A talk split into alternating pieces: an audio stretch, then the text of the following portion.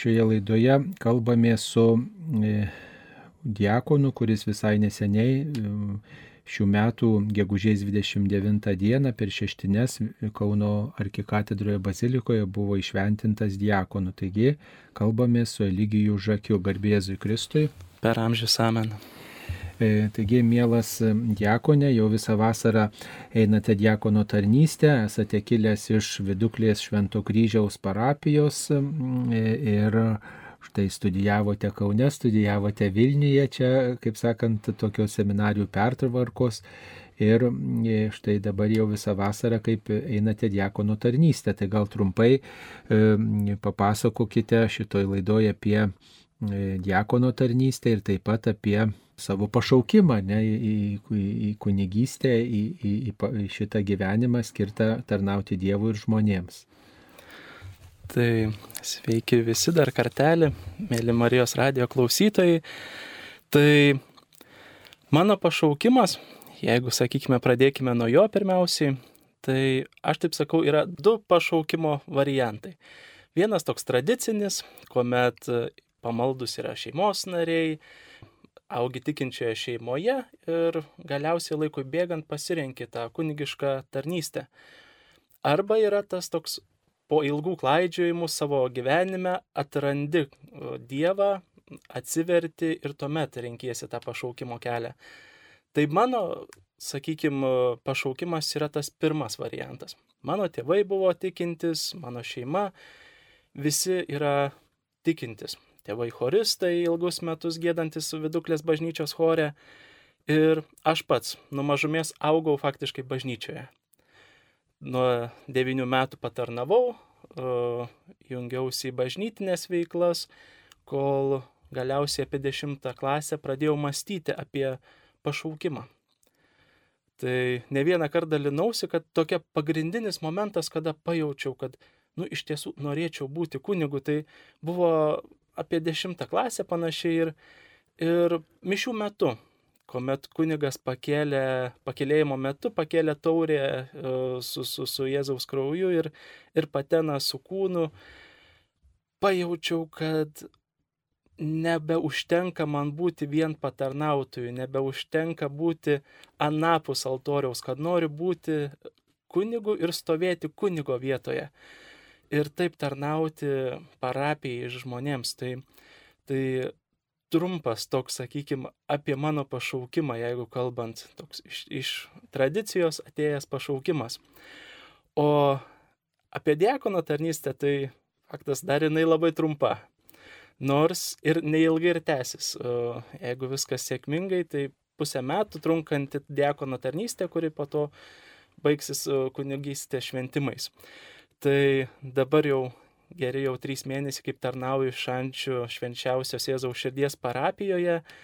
Ir, na žinot, visiškai kitas pasikeitimas, toks e, gyvenimiškas. Septynis metus studijuoji seminarijoje, tarsi tave ruošia tai diakono tarnystėje ir kunigystėje, bet uh, pagrindus tu būni gavęs, bet išėjus į parapiją atsiranda daug netikėtumų, daug uh, netikėtų situacijų, kada tenka iš jų kažkaip, kaip čia pasakius, liaudiškai įsivartyti. Norit, nenori, tenka, tenka, tenka rasti kažkokius būdus. Tai dabar mano pagrindinės tos, sakykime, parapijoje tarnystės, tai yra selovadinės tokios, tai dalyvauju šventose mišiuose, dabar nuo rudens pradedu jaunimą renkti sutvirtinimo sakramentui, aišku, sakramentai, teikimas jų, tai krikštynos, santokos, jeigu jų atsiranda, e, aišku, palidėjimas ir sunkių momentų, tai laidutuvės, žinoma, skelbiu Dievo žodį, Evangeliją ir tenka ir pamokslus sakyti. Tai tokios dažniausios mano dabartinės tarnystės, kurias tenka daryti. Aišku, kaip diakonas negaliu aukoti šventųjų mišių, klausyti iš pažinčių, e, bet su laiku visą tai, manau. Na, iki šiol, iki diakono tarnystės, e, tuos daugelį sakramentų, visus sakramentus teko tik stebėti, pati klausytis Dievo žodžio, kaip skelbiamas e, diakono, kunigo ar vyskupo, o kokia yra savijauta, kai reikia skaityti Dievo žodį, ką išgyveni, kai skaitai Evangeliją, skelbi kitiems. Tai dar iki šiol, žinot, toks būna eiti skelbti Dievo žodį dar visada toks sukyla širdyje jaudulys, kaip bebūtų. Ir man visada yra jautri akimirka, ypač jeigu kažkokiu atlaidų metu tenka nešti Evangelijų knygą, po to skelbti Dievo žodį. Man tai visada dar toks jautrus momentas tebėra. Ir, ir nežinau, vis tiek supranti, kad tai Dievo žodis, tai ne tavo kažkokios išmanytos mintis ar kažkas, tai Dievas pasakęs ir tai užrašyta šventajame rašte. Tai visada, sakau, atsiranda toks virpuliukas širdyje. O po to dar sakant pamokslus, tai visada, manyčiau, čia ir su vyresniais kunigais pašneki, kad sako, einant uh, sakyti pamokslą, visuomet e, jauti jaudulį, kad ar kunigų 20 metų būdamas. O aš tai dar pirmus tik tai mėnesius tai darau, tai visada yra jaudulys ir visada, aišku, uh, pasimeldė į šventąją dvasę eidamas pirmiausiai skelbti Dievo žodį ir, ir tikėsi, kad viskas bus uh, puikiai ir kad tavo žodis palies žmonės ir jų širdis. Tai O kaip e, va, skelbiant e, Dievo žodį, kiek svarbus yra tas žmonių reagavimas, kiek svarbus yra žmonių atsiliepimas, kai tenka sakyti pamokslus, ar jauti, kad žmonės klauso, ar nuobodžiauja, ar tai tave veikia kažkaip, ta žmonių reakcija, kurie va susirinkė bažnyčioje, ar, ar, ar koplyčioje, atlaiduose, ar kažkur kitur. Tai visada tu turbūt stebitų žmonės esančius e, ir sėdinčius priešais tave, sakant pamokslą ir, ir visuomet tikiesi, kad tas tavo žodžiai palies kažkaip juos, kad jie reaguosi tai, o nesėdės tik tai suolė ar kažkaip snau ir lauks, kol mišios pasibaigs. Tai aišku, visada džiugina, kai pamatai, kad kažkokia mintis prajuokina žmonės, kad jie klausosi atidžiai, tai Tai šitie dalykai man svarbus kol kas. Gal vėliau su laiku tu nebekreipsi į tai dėmesio ir aš pats gal kažkaip kitaip reaguosiu, bet dabar, sakysiu atvirai, laukiu to kažkokio atsako iš žmonių. Ir labai smagu, kai kartais ateina iš po visko ir sako, buvo tikrai geras pamokslas, ačiū už, kad įsinešu kažką iš jo. Tai, tai manyčiau, kad tiek. Na tai turbūt visada turbūt svarbu kad, aiškiai, žmonės klausytųsi, žmonės reaguotų ir tai turbūt padeda tam sakančiajam, skelbiančiajam žodį, jeigu žmonės įdėmiai klausosi, jeigu kažkuo kitų užsima arba, arba nekreipia dėmesio, tai turbūt daug sunkiau tada skelbti žodį. Tai be abejonės, ypatingai būna tikrai, matai atveju, kada, nu, tikrai matai, kad žmogus atėjęs ir uh, jam nieko nepaliečia. Nu ir tada tikrai liūdna savyje, kad, žinai, kartais stengiasi, tikrai ruošiesi pamokslams ir tikrai su viltimi eini sakyti pamokslą, kad, nu, palies tą žmogų ir tu matai, kad, nu, abejingai į tai žvelgia. Tai visada norisi to tokio atsako, kad, kad, kad paliestų, paliestų žmogų. Ir, bet, nu, ne visada tai tenka, aišku, ne visada reikia ir tikėtis, kad vien pamokslas palies, galbūt, galbūt mišiuose kiti mišių elementai tam žmogui prakalbės, nebūtinai tas Dievo žodis, kurį galbūt skelbiau, arba pamokslas, kurį sakau, jis palies. Galbūt jam liturginis momentas, kuris nors iš mišių jį palies ir jam bus įsineštas iš, iš, iš, iš šventųjų mišių. E, jūs daugelis Lietuvos žmonių e, pažįsta kaip tą, kuris Šilvos atlaiduose atlieka ceremonieriaus pareigas. Štai vykstant Šilvos atlaidams jūs prisidedat prie atlaidų organizavimo, prie e, parengimo. Ir turbūt įdomu žmonėms žinoti, ką veikia tas vyskupus lydintis asmuo, dažniausiai netliekantis kažkokių tokių labai akivaizdžiai matomų e, pareigų, bet e, na, visi liturgijoje tarnaujantys žino, kad jis yra ceremonierius ir turbūt kai kurie žmonės tą supranta, o kai kurie galbūt ir nesupranta, mato, kad kažkas stovi ten šalia, kažką paduoda, tai jūs turbūt ir išveido pažįsta, kad štai lydite vyskupus apieigose, tai gal truputėlį, va, štai keletą žodžių tarkite apie ceremonieriaus tarnystę, ką, ką reiškia tas ceremonierius ir už ką jis yra atsakingas atlaiduose ir per šventasias mišes. Tai pačius ceremonierių man kažkaip uh, netikėtai teko tapti. Aišku, tai seminarijos dėka, nes matyt, man jie išvelgia kažkokių gabumų liturgijoje, gal tą tokį, nežinau, sugebėjimą viską atlikti tvarkingai ir, ir mane prieš dar seminarijai studijuojant trečiame kurse paskyrėme tuo ceremonieriumi. Tai pirmiausiai tai esi seminarijos tas ceremonierius, rūp, rūpinėsi, kad visos mišios, kuriuose ar kunigai dalyvauja, ar viskupai, kad visos įvyktų tvarkingai, kad viskas būtų atlikta sklandžiai. Tai, o šiluva, kadangi gavau tas pirmasias tas tarnystės, tai ir tuo pačiu gavau ir šiluvos e, atlaiduose dalyvauti kaip ceremonierius kaip biskopo, sakykime, ceremonierius. Nesu tikrai tas pagrindinis ceremonierius, kuris, uh, e, sakykime, rūpinasi visos arkiviskupijos reikalais, ceremonijomis, bet esu šiluvos uh, ceremonierius. Uh, tai rūpinosi, kad ši par šilvos atlaidus visa tai, ką mato žmonės, iš esmės įvyktų tvarkingai. Ka, tai nuo manęs nemažai dalykų priklauso, iš esmės ir, ir pati mišių eiga, kad viskupai žinotų, ką darome, kas vyksta, rūpinosi ir aplinkiniais susirinkusiais kunigais, kad jie žinotų, kuriuo momentu kažkur kur eiti, ką daryti, ką sakyti. Tai esu toksai balsas iš šono, kuris sufleruoja viskupams ir susirinkusiems į šventasias mišes, ką daryti, kad viskas atrodytų gražiai, kad susirinkę piligrimai galėtų dalyvauti, melstis šventosiuose mišiuose ir kad tai viskas atrodytų gražiai, sakykime, be priekaištų tokių. O aišku, į tai susideda daug ir tų aplinkinių dalykų, tai daug komunikacijos su visais kitais šiluvos atlaiduose dirbančiais ir o, savo tarnystę prisidedančiais žmonėmis, tai tiek savanoriais, kad, kad jie būtų laiku, kad nu, išlydėčiau, kad rinkliavos ar kažkas būtų atlikta tvarkingai.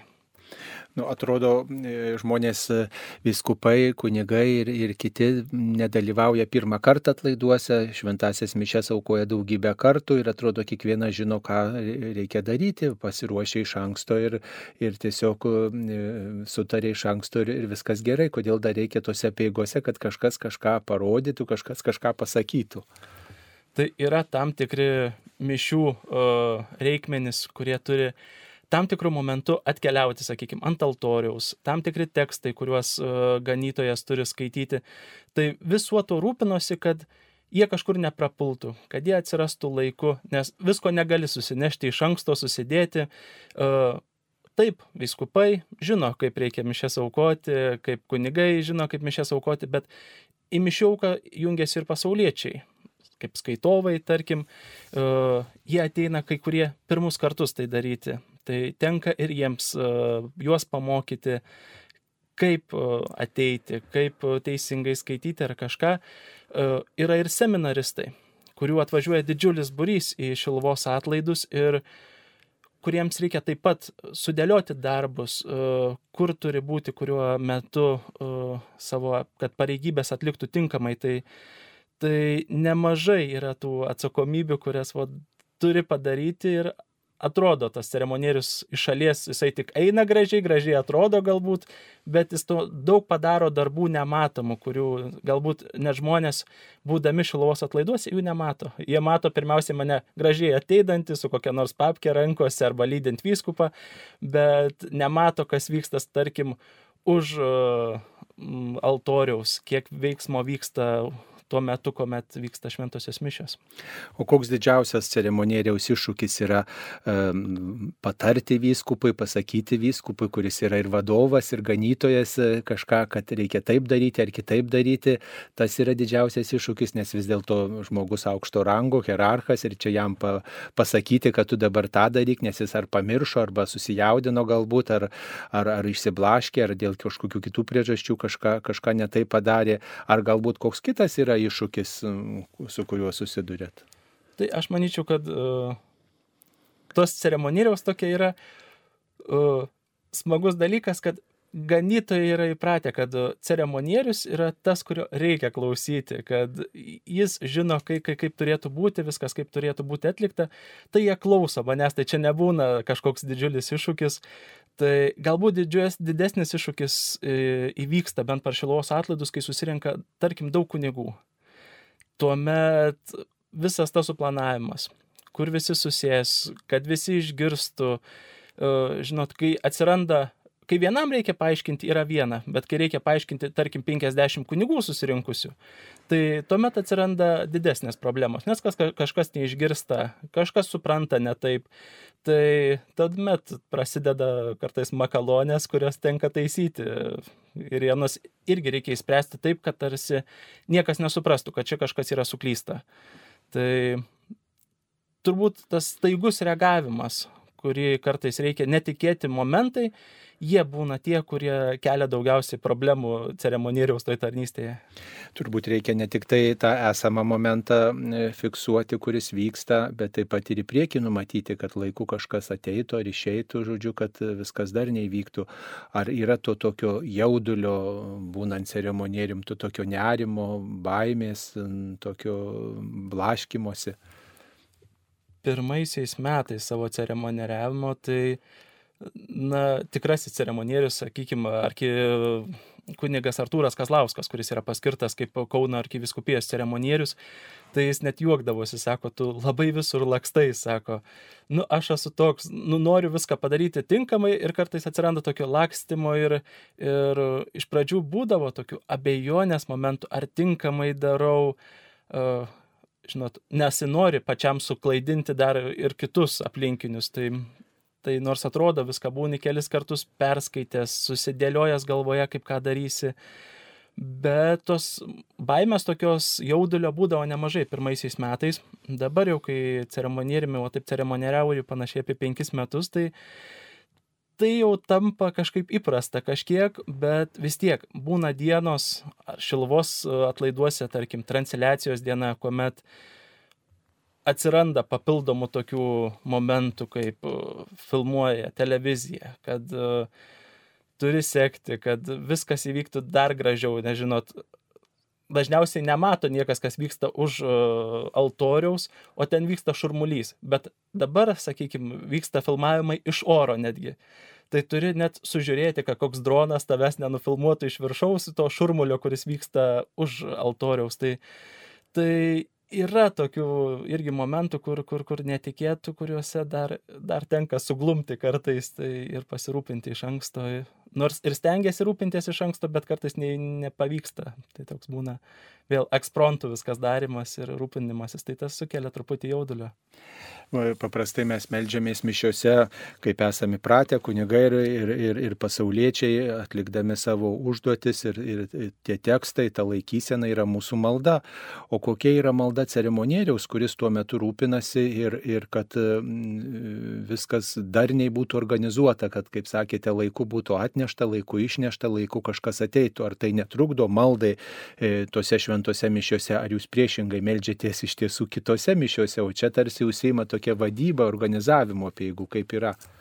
Tai, vat, kaip sakote, tai yra teisingiausias tas variantas, nes, nu, kaip ir sakot, neina uh, par, dažniausiai, ypatingai per pagrindinės mišes, kažkaip susikaupti pačiam maldai, tai dažniausiai ir šilovoje tarnaujantis kunigai, ir vadiakonai ar klerikai, kurie nori jungtis, eina į pačias ankstyviausias 8 valandos šventasias mišes ir ten meldžiasi, turi normales, sakykime, be pertraukimo šventasias mišes, kur gali asmeniškai tą dieną pasimelsti, o jau tada kitose mišiuose tarnauti kaip, kaip pagalbininkai, žinant, kad esi jau atsimeldęs ir, ir gali atsiduoti tada tarnystėj. Nes šiaip nelabai pavyktų, aišku, stengiasi kiek įmanoma, kad tų mišių metu vis, visi mišių dalis ir visa kita, kad tai pamaldžiai išbūtum, bet, bet nori, nenori, ne, neįmanoma taip susikaupti, kad, kad galėtum pilnai atsiduoti tai maldai. Vyksta didieji šiluvos atlaidai, melžiamės už kunigus, už pašaukimus, kaip jūs veikia va, ta atlaidų nuotaika tokia, kai e, štai minios eina e, į atlaidus ir smalsuoliai, ir labai pamaldų žmonės, ir visai nepamaldus gal, taip tik tai išoriškai dalyvauja atlaiduose, kaip jūs tai veikia, erzina, trikdo, glumina ar nekreipiate dėmesio. Ne, su metais jau, jau, jau prisitaikiau, visko teko matyti ir, ir žmonių, kurie bando provokuoti per atlaidus kažkokias užbėgti, tarkim, ant altoriaus ir sakyti savo kažkokias mintis. Su tuo susigyveni, bet vis tiek ta didžioji dalis žmonių, kurie susirenka melstis, kurie susirenka kaip piligrimai mm, pas Mariją, jos gimtadienį, tai jie nusveria tuos visus blogus dalykus, tuos visus atsainiai atvykusius galbūt tik tai apsipirkti e, skanios duonos ar, ar dešrų ar lašinukų kokių nors. Tai vis tiek atsveria to žmonės, ta didžiulė minė, kurie susirenka melstis ir garbinti švenčiausią mergelę Mariją. Nu, atrodo, tą Mariją galima pagerbti kiekvienoje parapijoje. Kiekvienoje parapijoje yra skulptūra ar paveikslas mergelės Marijos garbė, nėra to šurmulio, nėra tų, tų keistuolių ar kažkokių minių, kurios gal kartais ir trikdo susikaupti. Nu, va, galima tikrai melstis įprastoje aplinkoje, kodėl reikia vykti keliasdešimt kilometrų į, į atlaidus ir, ir vargti, kad galėčiau pasimelsti. Atrodo, nieko ten ypatingo nėra. Kodėl e, vyksta žmonės, jums toks klausimas nekyla kyla? Tai kelionė į kokią nors šventovę, tai tam tikra maldos forma, piligrimystė. Nu jau numėjęs, nuo mano nu, mažo amžiaus, tai mes su tėvais irgi mėgdavom tokias piligriminės keliones. Mes kiekvieną sekmanį, tarkim, vykdom vasarą, ypač daug vyksta atlaidų ir tu keliauji į kitą parapiją, į ten vykstančius atlaidus. Tai kažkokia savotiška maldos forma, visiškai kitaip išvykti iš savo parapijos, e, pamatyti kitą šventovę. Taip, galbūt gali nuėjęs į savo bažnyčią rasti Marijos skulptūrą, bet, bet nukeliavęs, tarkim, į Šiluvą, visai kitaip, e, tokia gali visą dieną paskirti maldai. Savoj parapijai tu esi pripratęs, e, sakykime, o nuvykti į svetimą vietą galbūt tokia visiškai kita maldos forma ir, Ir man tai patinka. Ir, ir galbūt, kadangi taip augau, kad keliauti po kitas parapijas, tai man ir šilva, kiekvienais metais keliauti į šilvą, į, į šilvos atlaidus yra, nu, neapsakoma patirtis.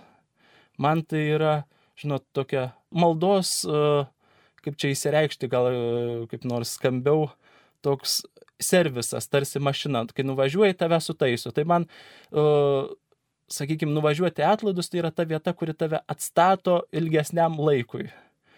Tu pasikrauni tos pamaldumo praktikų, kažkaip pakeiti vietą ir nu, yra geras laikas toks pabuvimas atlaiduose.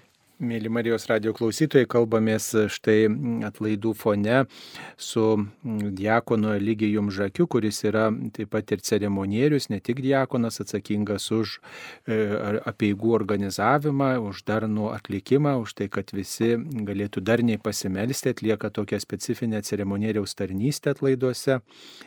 Ir atlaidai skirti švenčiausios mergelės Marijos garbei ir kiekviena diena turi savo intenciją, savo, savo prašymą, kaip diakonė lygiai jau tos intencijos atsiliepia e, štai dalyvaujančių žmonių pamaldumui ar, ar e, pamokslininkui, jos svarbios, ar tik tai šiaip įvardinti tokie tekstai, kuriuos prisimena atlaidų organizatoriai, tik tai o žmonėms ar ten kunigams ar, ar viskupams jie nelabai reikšmingi, ką, ką apie tai pasakytume.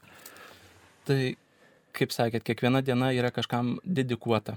Tai be abejonės atsižvelgia tiek ir pamokslininkai, tiek, tiek sakantis kunigai ar kokie nors pasauliečiai, katechezės atlaidų metu atsižvelgia į tos dienos temą. Ir stengiasi savo tiek kalba, tiek net ir mišių tekstai yra parinkti tai dienai pritaikyti. Tai bandome atliepti per atlaidus, kad viskas sėtųsi su ta diena. Tarkim, ligonių diena, tai dažniausiai ir katechezės, ir pamokslai, viskas, arba mišių tekstai bus susijęti su ligoniais, su pasveikimu. Tai bandom atliepti kiek įmanoma ir į tas dienas, kurios paminėtos per šilvos atlaidus na, tokia ypatinga turbūt šios dienos intencija, tai yra malda už pašvestuosius, už kunigus, už tuos, kurie pasirinko pašvestą į gyvenimą, e, kiek vat, patiems pašvestiesiems tos maldos, bendruomenės maldos yra svarbios. Turbūt gal susidūrėt ir jūs savo tarnyboje, gal ir kažkas pasakė, mes melžiamės už jūs, kad ištesėtumėt, kad taptumėt galiausiai kunigu po diakono tarnystės ir tikrai va melžiamės, kad, kad jums pavyktų ar pamokslą pasakyti, ar, ar atlikti savo tarnystę, kiek jums tas svarbus ir, ir, ir, ir ar tikrai to palaikymo tokio reikia kunigams, maldos palaikymo, kunigams, viskupams, diakonams. Tai be abejonės, tai labai smagu žinoti ir tai beproto stiprina, kai žinai, kad už tave meldžiasi. E, būdavo labai gera sužinoti, kai dar seminarijai studijuodavau, kad kokia nors e, pašvestojo gyvenimo vienuolė meldžiasi už mane, pasako, Eligijau, aš už tave meldžiuosi kiekvieną dieną ir aukoju už tave, žinai, šventųjų mišių auką, būdama dalyvaudama. Tai teikia stiprybės, teikia vilties, kad esam reikalingi, kad kunigo tarnystė dar nėra kokia nustumta į antrą ar trečią vietą, kad tai ir vis, vis dėlto yra svarbus dalykas, kad žmonėm reikalingi kunigai. Tai aišku, ne tik kunigai, ir diakonai, ir viskupai, net ir seminaristai, kurie ruošiasi, yra svarbu žmonėms.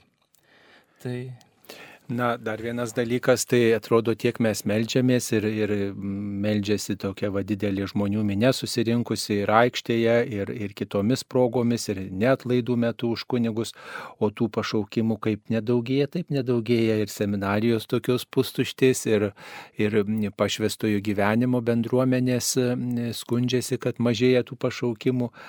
Kur čia yra atsakymas, kaip jūs manote, kai jau dabar žengėte tuo pašaukimo keliu vis drąsiau, vis samoningiau, e, kur yra toji priežastis, kad stokojam kunigų gal ir jų yra tiek, kiek, kiek, taip sakant, Dievas duoda, ar čia dar kokios kitos priežastys?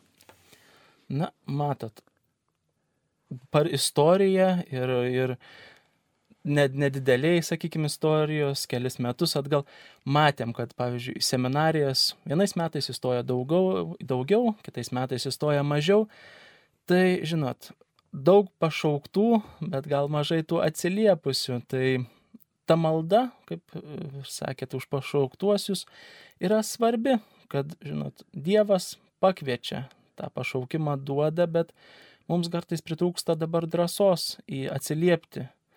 Tai, žinot, tikrai kartais sutinki jaunuolį, kuris gal visai ir būtų įdomu, gal visai ir gera būti kunigu, bet pabijo pabijo, nes dabartinė tokia, žinot, keičiasi laikmetis. Daug ir žiniasklaidos priemonių, ir, ir žmonių kalbančių, nu, kad tie kunigai kažkokie keisti, nu, daug skandalų kylančių bažnyčioje, atbaido, kaip bebūtų jaunuolius, kurie galbūt norėtų būti kunigais, bet manyčiau, kad ateis tas laikas, kada vėl pašaukimų tikrai padaugės. Gal dabar yra tas laikmetis, kuomet jų sumažėjo truputėlį, bet ateis momentas, aš tikiu, kad jų padaugės ir, ir vėl seminarijos bus pilnesnės tikrai negu dabar nu, kiek e, patiems pašauktiesiems, vat, seminaristams, diakonams, kunigams svarbu tas bendras susitikimas, vat, kunigų dieną suvažiuoja Šiluvos atlaiduose e, kunigai iš įvairiausių parapijų, ne tik tai iš Kauno arkiviskupijos, bet net ir iš kitų Lietuvos viskupijų, parapijų ir, ir kurie kunigai pasimato tik tai kartą e, galbūt per metus tuose atlaiduose kaip jums iš šalies, vat, stebint tą bendravimą, susitikimą ir žmonės važiūri, stebi, bando atpažinti, kuris kunigas iš kurios parapijos, gal atpažįsta seniai matytą kunigą, kuris jiems kažkaip patarnavo. Kiek svarbus tas vat, kunigų, e, diakonų, seminaristų, pašvestųjų susitikimas tokiuose atlaiduose. Tai pirmiausia, manyčiau, tai tokios bendrystės kūrimas tikrai, vat, kaip sako, tikrai būna kunigų, net ir kursinių, sakykime, kurie susitinka per metus vieną kartą. Tai tie atlaidai tikrai yra proga susitikti, pabendrauti, pasidalinti galbūt metų įspūdžiais ir uh, galbūt galimybę atnaujinti santykius ir, ir plėsti juos kaip nors. Tai aišku, mums seminaristams būdavo, kol seminarijos buvo nesujungtos, tai būdavo beprotas smagu susitikti, kai atvažiuoja Vilniaus seminarija, Kauno seminarija, Telšių seminarija, susitikti vieną vietą, pabendrauti, nors ir trumpai, sakykime, vieną dieną. Jau šiais metais viskas, kai yra sujungta, tai ir truputį kitaip, bet vis tiek tai yra bendrystės laikas, kada tu, kad ir bendroji maldoj susijungti, žinot, pasimelsti kartu. Tie kunigų susirenka, tokia jėga. Tai, žinot, meldžiasi ne tik arkiviskupijos kunigai, bet visos Lietuvos kunigai kunigų dieną. Tai, tai labai svarbi ta bendrystė, manau. Na, atlaidai e, tokia šventė Šiluvoje, kur susirenka žmonės melstis į šventasias mišes ir ypatingai Šiluvoje pagerbiama švenčiausioji mergelė Marija. E, štai vykstat ir jūs į Šiluvą e, kaip piligrimas, kaip maldininkas, kaip tas, kuris padeda kitiems maldininkams darniai pasimelsti. Kiek vat, jums jūsų pašaukimo keli, jūsų maldingumo keli, ta svarbi mergelė Marija, kiek jį reikšminga, ar jį yra toks asmo, kurį bažnyčia dovanoja ir priimu, ką bažnyčia duoda, ar kažkaip e, esate atradęs kažkokį labai asmenišką santykį su mergelė Marija ir ypač Šiluvoje, kiek, kiek jums vat, brangi Šiluvoje gerbiama švenčiausia mergelė Marija. Tai manyčiau, aišku, visiems kunigam yra svarbi mergelė Marija, tokia dažniausiai seminarijai tu atrandi tokį didelį ryšį su mergelė Marija ir, ir pamaldamu jai. Tai, o kažkaip aš pamaščiau, kad mes tie, kurie esame ypatingai kilę nuo Šiluvos, nuo Raseinių rajono, tai esam tie, kurie dažniausiai mūsų pašaukimo net e, kelyje mergelė Marija būna suvaidinusi labai svarbu vaidmenį. Čia turbūt reikia pasakyti, kad jūsų vidukliai, gimtinė vidukliai yra Raseinių rajone, tai jums reiškia ypatingai šiluva tokia artima. Taip. Tarsi namuose esate. Faktas, tai visada yra smagu, tarsi grįžtų į savo vietą, nes kad ir prieš seminariją tekdavo ir su tėvais nuvykti per atlaidus, per e, kiekvieno mėnesio 13 dieną į, į Šiluvą. Tai pamaldumas Šiluvos mergeliai Marijai toks tikrai buvo uh, many tvirtas ir dažnai tenka bendrauti su kunigais kilusiais iš taip pat iš Aseinių rajono, sako, taip pat, sako, mums Šiluva yra beprotas svarbi ir, ir mergelė Marija Šiluvos yra labai irgi daug prisidėjusi prie mūsų pašaukimo. Tai, tai ir man lygiai taip pat prieš, prieš stojant į seminariją tikrai važiavau dar mėnesio likus iki stojamųjų į Šiluvą 13 dieną. Žinot, klausti to Marijos patarimo, ar teisingai elgiuosi, ar teisingą kelią renkuosi. Bendrai tokia kartais atsimenu ir labai mama man dažnai primena tokį jos žodžius, kad sako, aš tave tarsi esu paukojusi mergeliai Marijai ir sako, žinai, sako, tu išvažiuoji ar į mokslus, arba dabar jau į parapijas, sako, visada sakau, žinai, aš šitą vaiką užauginau, maitinau, sako, rengiau, o dabar mergelė Marija, tu pasirūpink, kad jam viskas sektųsi gerai. Tai, tai man brangi mergelė Marija ir, ir žinot, pamaldumas į ją. Tai gal tokį paukojimą vaiko pavedimą į Marijos rankas galėtume patarti ir kitiems Marijos radio klausytojams. Daugybė mūsų Marijos radio klausytojų taip pat yra išlydėję vaikus į gyvenimą, į, į darbus, nebūtinai galbūt į pašvestojo gyvenimo kelią, bet į šeimą, į, į, į užsienį galų gale, į kitą miestą, į kitą, į kitą kraštą. Galbūt tikrai reikėtų dažniau pasakyti, aš va užauginau tą vaiką, kaip galėjau, kaip mokiau, kaip supratau, daviau, ką galėjau, o dabar mergelė Marija, tu būk mama to, to vaiko, tu globok ypatingai, nes aš gal ir nežinau, ką, kaip jam sekasi, kaip ten einasi viskas, o tu Marija, kaip Dievo motina, kaip ta, kuri esi negalimų dalykų motina, lydėk keli mano vaikus, kurie ten kažkur toli yra. Čia irgi gal toks yra ir visuotinės kunigystės aspektas ir pamaldumas Marijai, kaip manot. Be abejonės, tai tai tikrai vertėtų daryti ir, ir nu, graži tokia praktika, žinot, tikrai neveltui nuvažiavę į Šiluvą, bent tie, kas važiuojam dažniau, sakom, važiuojam pas mamą. Tai gal žinot, kiti jau nebeturi savo žemiškų motinų, bet yra mergelė Marija, į kurią galim tikrai kreiptis, prašyti jos užtarimo, žinot, kaip vaikai einam pas mamą, prašom jos patarimo, tokio palaikymo, tai mergelė Marija yra ta, pas kurią galim šauktis to užtarimo ir pagalbos mūsų gyvenimo keliuose. Tai, tai tikrai graži būtų tradicija, jeigu tėvai išlydėdami savo vaikus, išlydėdami savo vaikus į mokslus, žinot, pavestų mergelį Marijai ir jos globai savo vaikus. Na, atvažiuodami į Šiluvą mes ten pagerbėme mergelę Mariją, stebuklingas mergelės Marijos paveikslas bazilikoje, taip pat daug kas apsilanko mergelės Marijos apsireiškimo vietoje, kur yra koplyčia. Kaip reikėtų iš tiesų dalyvauti atlaiduose, jūs matėte turbūt daugybę piligrimų atvykstančių į, į Šiluvą, e, kokia ta teisingiausia laikysena būtų, ar ne, tiem žmonėms, kurie atvyksta į Šiluvos atlaidus. Tenka matyti visko. Tenka matyti tie, kurie atvažiuoja į atlaidus tik tai kaip, kaip ir vienas mišes, sakykime. Sudalyvausiu pagrindinėse 12 val. mišiuose, apsipirksiu, kaip sakiau, duonos, lašinukų ir viską ir iškeliauju.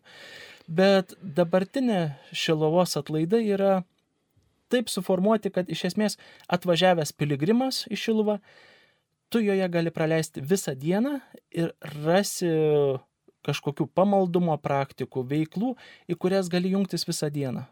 Prasideda rytas, gali atkeliavęs pradėti rožinio kryžiaus kelio maldą per šilą iki šiluvos, tada jungtis į mišes, po jų gali jungtis uh, į kokias nors uh, edukacinės programas, kai kuriomis dienomis vyksta, gali susitikti su kunigu, kuris visuomet būdi uh, aikštėje išpažinčiai. Šiais metais bus daug seminaristų Šilvos atlaiduose, pas juos galima ateiti pokalbiui, ypatingai jeigu tai jaunas žmogus, kadangi kalbam apie ir pašaukimus, tai svarstantis, galbūt jaunuolis, arba jaunuolė, nesvarbu apie renkantis kokį nors pašaukimo kelią, ar tai kunigystė, ar pašvestas gyvenimas, ar šeima, ateiti pakalbėti su tokiu pat jaunu žmogumi, kuris dabar studijuoja seminarijoje, jis papasakos, kokia seminarija, kaip kas joje vyksta. Galbūt tai bus momentas, kada bus tas spraktelėjimas, kuomet tu galėsi tvirtai apsispręsti, kad noriu tapti, tarkim, kunigu. Tai atvykęs piligrimas turėtų Šilovoje praleisti ne tik atvažiuoti vienom iš jo, manyčiau, bet praleisti joje visą dieną. Tai visos dienos piligrimystė, o ne vienos valandos, ne dviejų. Tai taip turbūt būtų teisingiausia laikysena kataliko atvykusio į Šilovą. Taigi tie, kas dar nebuvo šiais metais Šilvos atlaiduose, maloniai kviečiame atvykti. Pagrindinės mišios 12 val. aikštėje priešais baziliką, prieš šventasias mišes 11 val. 30 min. rožinio malda. Visus kviečiame dalyvauti ir melstis mergelės Marijos užtarimo. Šioje laidoje e, jums kalbėjo Jakonas e, kilęs iš viduklės parapijos, tar dabar tarnaujantį šančių parapijoje Kaune, o per Šiluvos atlaidus atliekantis ceremonieriaus pareigas Šiluvos atlaiduose. Diekona Lygijų Žakį kalbino aš kunigas Saulis Bužauskas visiems Marijos globos. Ačiū, sudė. Sudė.